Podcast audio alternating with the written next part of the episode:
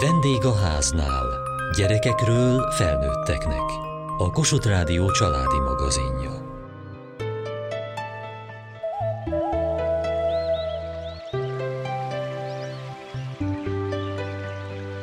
Túl-túl, messze túl, mi van a hegyen messze túl?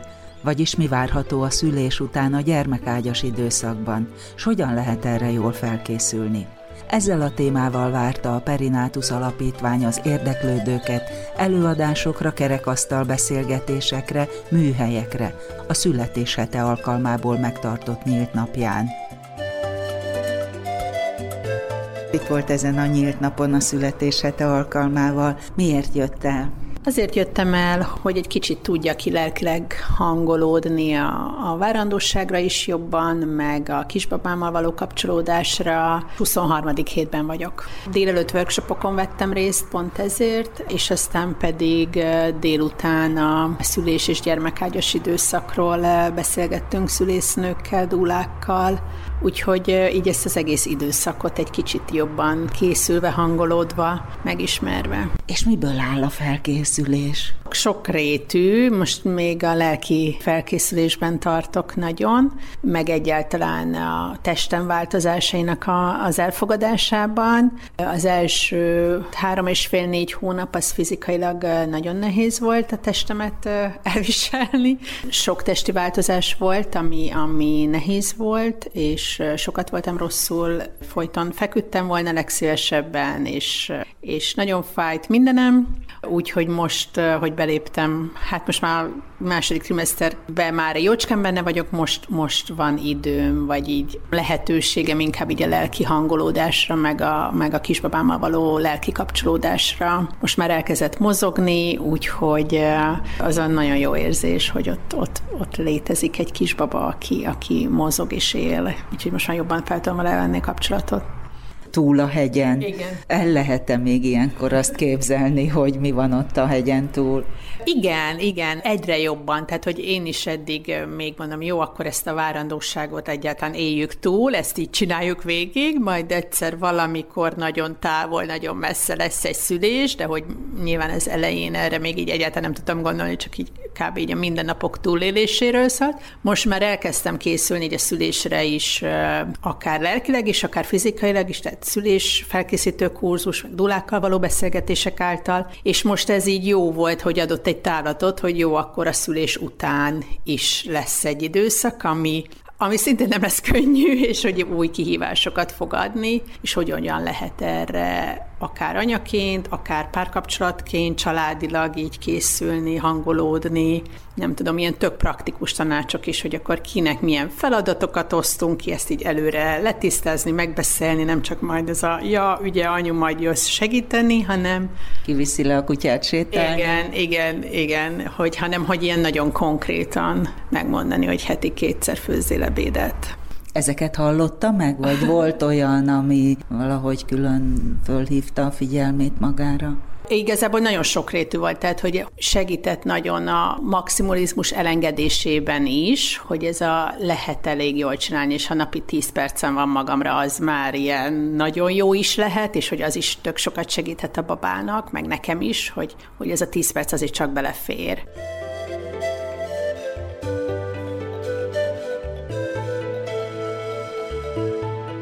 Itt olyan szavak hangzottak el, hogy cölöpözés, vagy hogy táblázatokat írni. Mi az, ami nagyon fontos, hogy tudatosan előre felkészülve megtörténjen időben? Nováki Rita szülésznő.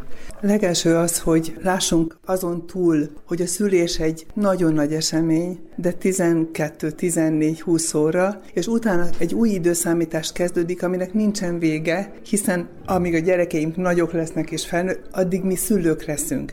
Ebbe bele kell tanulni. Látni kell azt, hogy a szülés után mi minden történik bennünk testileg, lelkileg és szervezésileg. A testit meg tudjuk tanulni a könyvekből, a lelkit talán a a segítőink által, és a szervezésben pedig ez a cölöpözés, ez az, hogy van egy képünk arról, hogy milyen lesz a gyermekágyas időszak, vagy olyan lesz, vagy nem, de mégis annak a képnek megfelelően megpróbáljuk megszervezni az életünket, a segítőinket, és egyáltalán a napjainkat. Gitti Diszney Gyetlán Krisztina védőnő. Én azt még fontosnak tartom, hogy, hogy ezek reális képek legyenek, mert tényleg azt látjuk, hogy idealizált képeket kergetünk, és mint régen láttuk ezeket, tehát láttuk, hogy mi történik egy gyermekágyas időszakban, hogy a család ott van, a gyereket egyik kézről adják a másikra, megszoptatják, leteszik. Most ez egy zárt kör, nincs képe az anyának, tehát ez, ez az élet természetes része, mint a szülés is az, és folytatódik tovább, de a minta elveszett. Tehát a legfontosabb, ott vannak egyedül a nők, a férfiak, a család egyedül, ami régen sosem volt. Ilyen nem volt az életben, hogy a szomszéd ne tudja, hogy szült a mellettem és egy tál étellel ne menjen oda. És ezért kell megszervezni ezeket, ezért kell becölöpözni a helyzetet, hisz kik lehetnek körülöttem. Mesterségesen kell embereket behívni. És mit tud tenni a segítő? Azt mondja az anyának, hogy kezdjük írni egy listát, ugye a táblázatból, hogy kik jöhetnek be. Hisz van egy órára egy barátnőm, van egy másik, aki be tud, vagy éppen a a nagypapa délután ráér, és ő mellette az ő melkasán is tud aludni egy pár órát a gyermek, tehát, hogy meg kell szervezni azt, ami régen természetesen jelen volt a családokba. És egy térben voltak, most megint el vagyunk különölve. Ott lakik egy másik városban a nagymama, itt másik helyen lakik a másik, én itt lakom. Tehát, hogy itt a távolságokról is kell beszélnünk. Tehát ezért gondoljuk mi azt, hogyha segíthetünk abban, hogyha ezt a nagyon bizonytalan időszakot, tehát nézzük meg, hogy a legnagyobb problémát az szokta okozni, hogy egyik nap nem olyan, mint a másik. Egyrészt átvette valaki, aki uralkodik fölöttem, ő irányítja az én napomat, borzasztó nehéz, és ráadásul még az is történik, hogy az egyik nap nem olyan, mint a másik. Én, aki például jöttem egy olyan szakmából, ahol így mentek a dolgok, például most van egy mérnök anyám, aki teljesen így dolgozott. Hát most kívülről valaki irányítja az ő idejét reggeltől estig, és semmi logika nincs ebbe a dologba. Hát persze, hogy kell valaki azt mondja, minden oké, drágám, ez így működik. Tehát ez lehet az apa, a nagyszülő, a testvér, a bárki, csak hogy valaki megtartsa. Ez a megtartás szerintem egy nagyon fontos a gyermekágyi időszakban. A régi bábakönyvben, hogy sose volt egyedül, hisz régen a bábák kísérték ezt a folyamatot, és több héten keresztül masszírozták az anyát, kényeztették. És erre van egy könyvbe, sajnos nem én találtam ki, hogy mindenkinek ugyanekkor. Tehát még az apát is be tudjuk venni. Etetve, szeretve és aludva kell lenni. És azt hiszem, ez annyira szépen összefoglalja a gyermekegyes időszakot, ha ez meg tud valósulni, ez, ez a kényeztetés, akkor ez a gyermekágyi folyamat abba a mederbe fog folyni, amibe kell neki.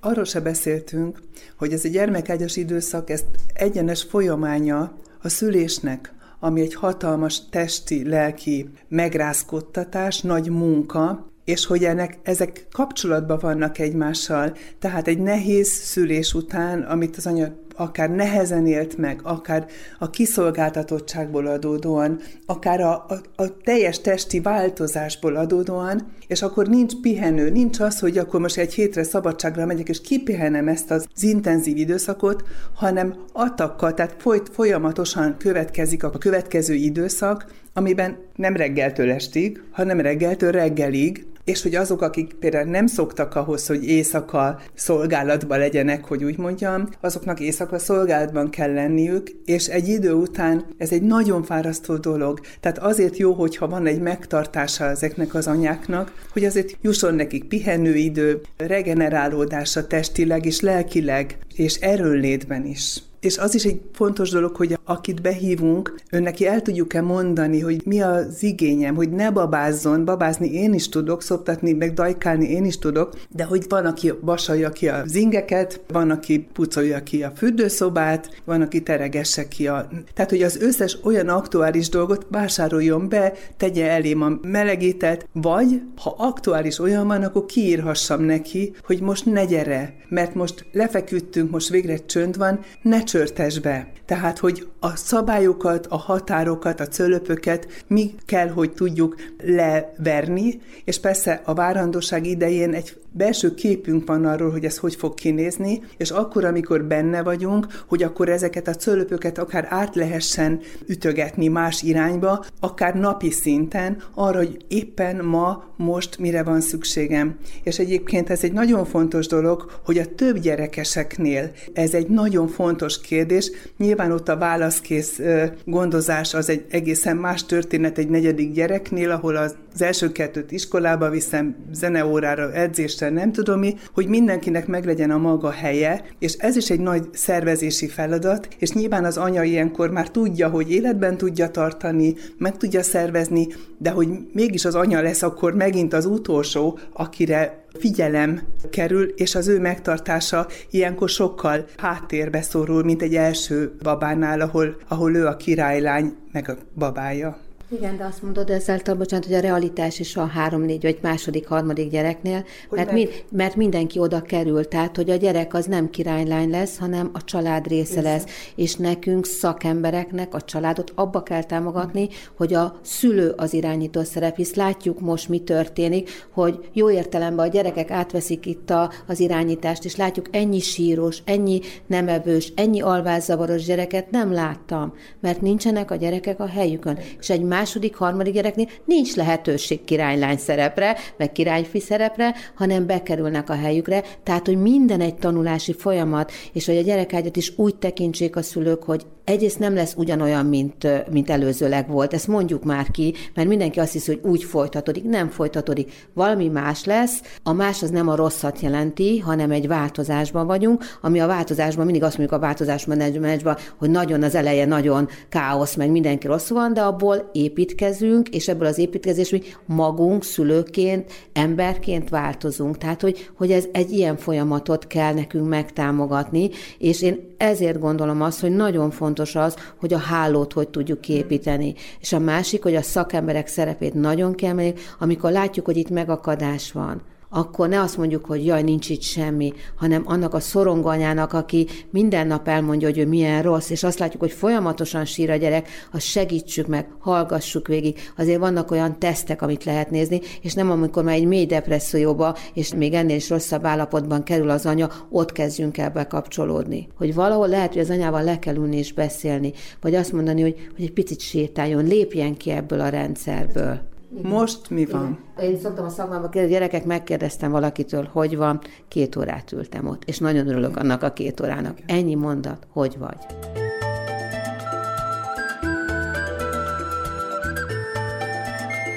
Segesdi Edina Dúla, hordozási tanácsadó.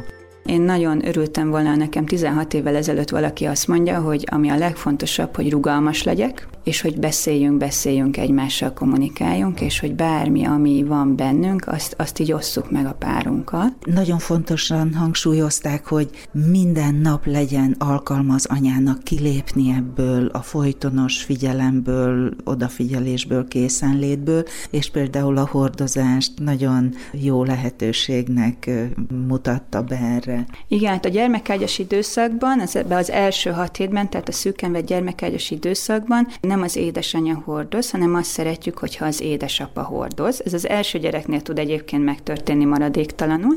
Ez azért nagyon jó, mert hogy tud egy segítséget adni az anyának, egyrészt abból a szempontból, hogy erre a pár percre ki tudjon lépni, el tudjon menni zuhanyozni, hajat mosni, levegőt tudjon úgy venni, hogy ne folyamatosan a testét adja, mert ez egy 24 órás szolgálat. Tehát 24 órán keresztül igazából a testét adja az anya, szoptat, együtt van, és ebből kell néha kilépni. És ez a lehetőség, hogy rákötjük akár az édesapára vagy a nagymamára, elmegy 10 percet, negyed órát sétálni, mondjuk a nagymama, akkor például már a párok is tudnak kapcsolódni. Tehát az anya meg az apa lesz nő, meg férfi, és ez, ez nagyon fontos hosszú távon a párkapcsolatukra, hogy legyen napi 10 percük egymásra, ahol össze tudnak kapcsolódni, meg tudják látni egymást. Tehát ez erre is ad lehetőséget. És ami még nagyon nagy lehetőség ebben a hordozásban, az az, hogyha az apára van kötve a kicsi, már a kezdetektől kezdve, akkor ez hosszú utánkövetési kutatások bizonyítják, hogy olyan hormonális átalakulás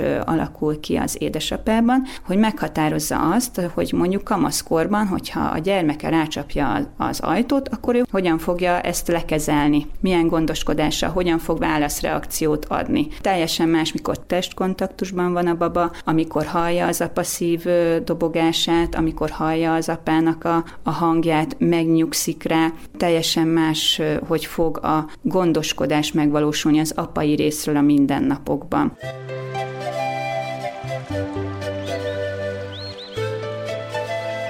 Mire volt szüksége önnek? Én azt szerettem volna, hogy időben egy kicsit tudjak kiszabadulni majd abból a nagy feladatból, amit akkor azt gondoltam, hogy majd az ikrek jelentenek, hogy a nagy lányommal tudjak valamennyi időt tölteni, illetve hát nem tudtam elképzelni, hogy majd a két kisbabát így uh, szimultán hogy tudom gondozni, és hogy, hogy ebben legyen legalább hetente egy párszor segítségem. Hogyan készült a család? Hogyan gondolkodtak? Milyen munkabeosztást, vagy bármilyen beosztást készítettek, vagy tudtak egyáltalán? Hát igen, készültünk rá sokat. Anyukám is, anyósom is tudott valamennyit segíteni, de ők olyan nagyon nagy részt akkor nem tudtak vállalni a segítségben. A férjem is szerencsére, nekem óriási szerencsém van vele, ő nagyon házias, tud főzni, gyönyörűen takarít, úgyhogy a munka mellett ő is amennyit tudott, besegített, de úgy éreztem, hogy ez még a három gyerek mellett mindig szükségem lehet nekem egy ilyen segítőre. Nagyon fontos ebben az időszakban, hogy az ember definiálja magát anyaként, ki kell alakulnia a családnak. Mondjuk első gyereknél abszolút mindenki egy új szerepbe érkezik, és hogy megtalálja ott a helyét, hogy el tudja helyezni magát ebben az új élethelyzetben, és hogy ez nagyon fontos, az idő, a türelem, és ez a támogatás. Mi kell ott abban az első 6 hétben, 40 napban? Mennyivel volt másabb így, hogy volt segítője, mint mondjuk az első gyermeknél? Az elfogadás, az azt gondolom, hogy az, az nagyon fontos. Amit én megéltem ebben az időszakban, én egy nagyon kritikus közegből jövök, és nekem ez egy újdonság volt, hogy egy óriási nyitottsággal, nagyon nagy elfogadással fordult felém a segítőm, és hogy tényleg mindenben támogatott, mindenben úgy tudott segíteni, hogy állandóan azt mutatta, hogy jó az, amit csinálok, jól csinálom, úgy, hogy nem éreztem azt, hogy ez egy hamis kép, hogy ezt ő csak úgy mondja, hogy nekem jobb legyen, hanem tényleg, tényleg őszintén át tudtam azt élni, hogy jó, ez teljesen jó, ahogy csinálom, közben mégis tudott továbbvinni, vagy előrébb vinni, segíteni, hogy hogy lehetne még kényelmesebben, vagy még, még kellemesebben átélni ezt az időszakot. Ha az idő engedte, akkor takarított, a konyhámat gyönyörűvé varázsolta, és mind a mellett ellátott emellett egy barátnői feladatot is, vagy akár egy nagymamai feladatot is. És ezt a nagyon sok feladatot nagyon szépen ötvözte ő.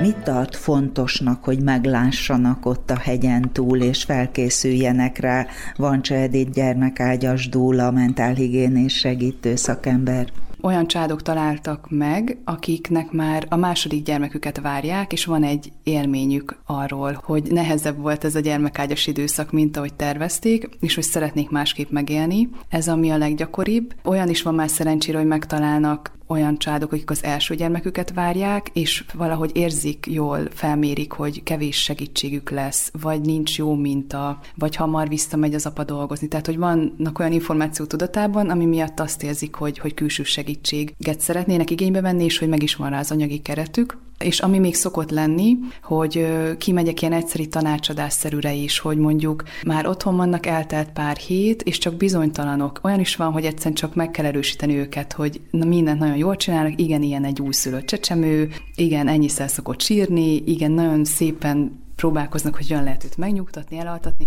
És ami még előfordul, és ez ennek is nagyon örülök, ez is nagyon fontos, hogyha mondjuk van egy traumatikusabb vagy nehezebb szülés, és az anya nincs jól, napokkal utána is nem csak ez a baby blues, hanem tényleg sír, érzi, hogy baj van, akkor is felszoktak keresni, és akkor meg ezzel dolgozunk, ezzel a nehéz szülés élménnyel ez is olyan, hogy csak pár alkalommal megyek, olyan is, hogy egy alkalom is elég, és utána megy tovább ez a folyamat. De ami jellemző az, hogy, hogy ilyen 6 12 hétig kísérem a családokat a gyermekágyban, mert hogy a gyermekágy nem csak 6 hét. Annyira alapellátásról kell gondoskodni az anya részére, hogy enni, inni, aludni. Igen Igen, tehát ami, ami még nagyon sokszor előfordul, és ami szerintem a legnagyobb meglepetésként éri a, a szülőket, hogy, hogy amire nem készülünk előre, ez a 0-24 szolgálat. Tehát, hogyha most el, elképzeljük azt, hogy mondjuk van egy IT szakember, akit éjszaka néhányszor megébreszthetnek, hogy mondjuk valami vezeték elszakadt, és akkor ő távolról segítsen, az is elég megterhelő állapot, ugye a cégeknél ezért szoktak fizetni pluszban. Hogy ezt úgy kell elképzelni, hogy, hogy ez a készenlét, ez éjjel-nappal van egy jó pár hétig, évig, az, az ugye az intenzitása változik csak, és hogy erre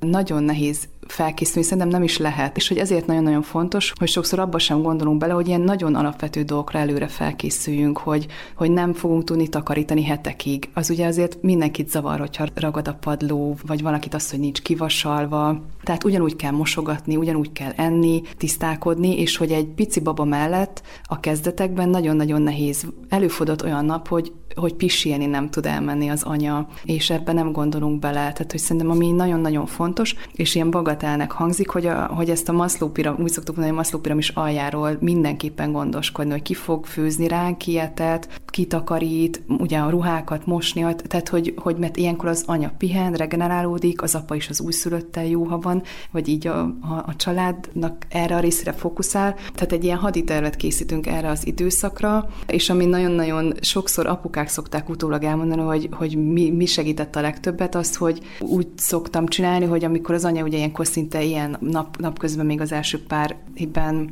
szinte állandóan, hogy szoptat, akkor, akkor készítünk benne nasikat. Szóval nagyon fontos, hogy, hogy ilyen tápláló energiaforrások legyenek, tehát hogy amíg én nem ettem, nem aludtam, nem pisiltem, addig nem tudok magamból adni, és hogy, hogy ilyenkor feltöltjük a nasi készletet is, vizet mindenhova így bekészíteni az anyának, tehát hogy ezek ilyen apróságnak tűnik, de hogy ezen múlhat az, hogy mondjuk anyateljes lesz egy baba, kifárad egy anya, és az egész család akár.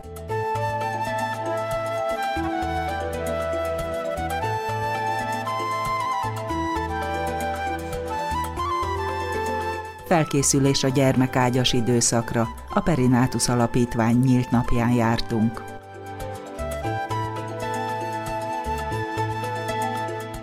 Kövessék műsorunkat podcaston, vagy keressék adásainkat a mediaclick.hu internetes oldalon. Várjuk leveleiket a vendégháznál kukac mtva.hu e-mail címen. Műsorunk témáiról a Kossuth Rádió Facebook oldalán is olvashatnak. Elhangzott a vendégháznál.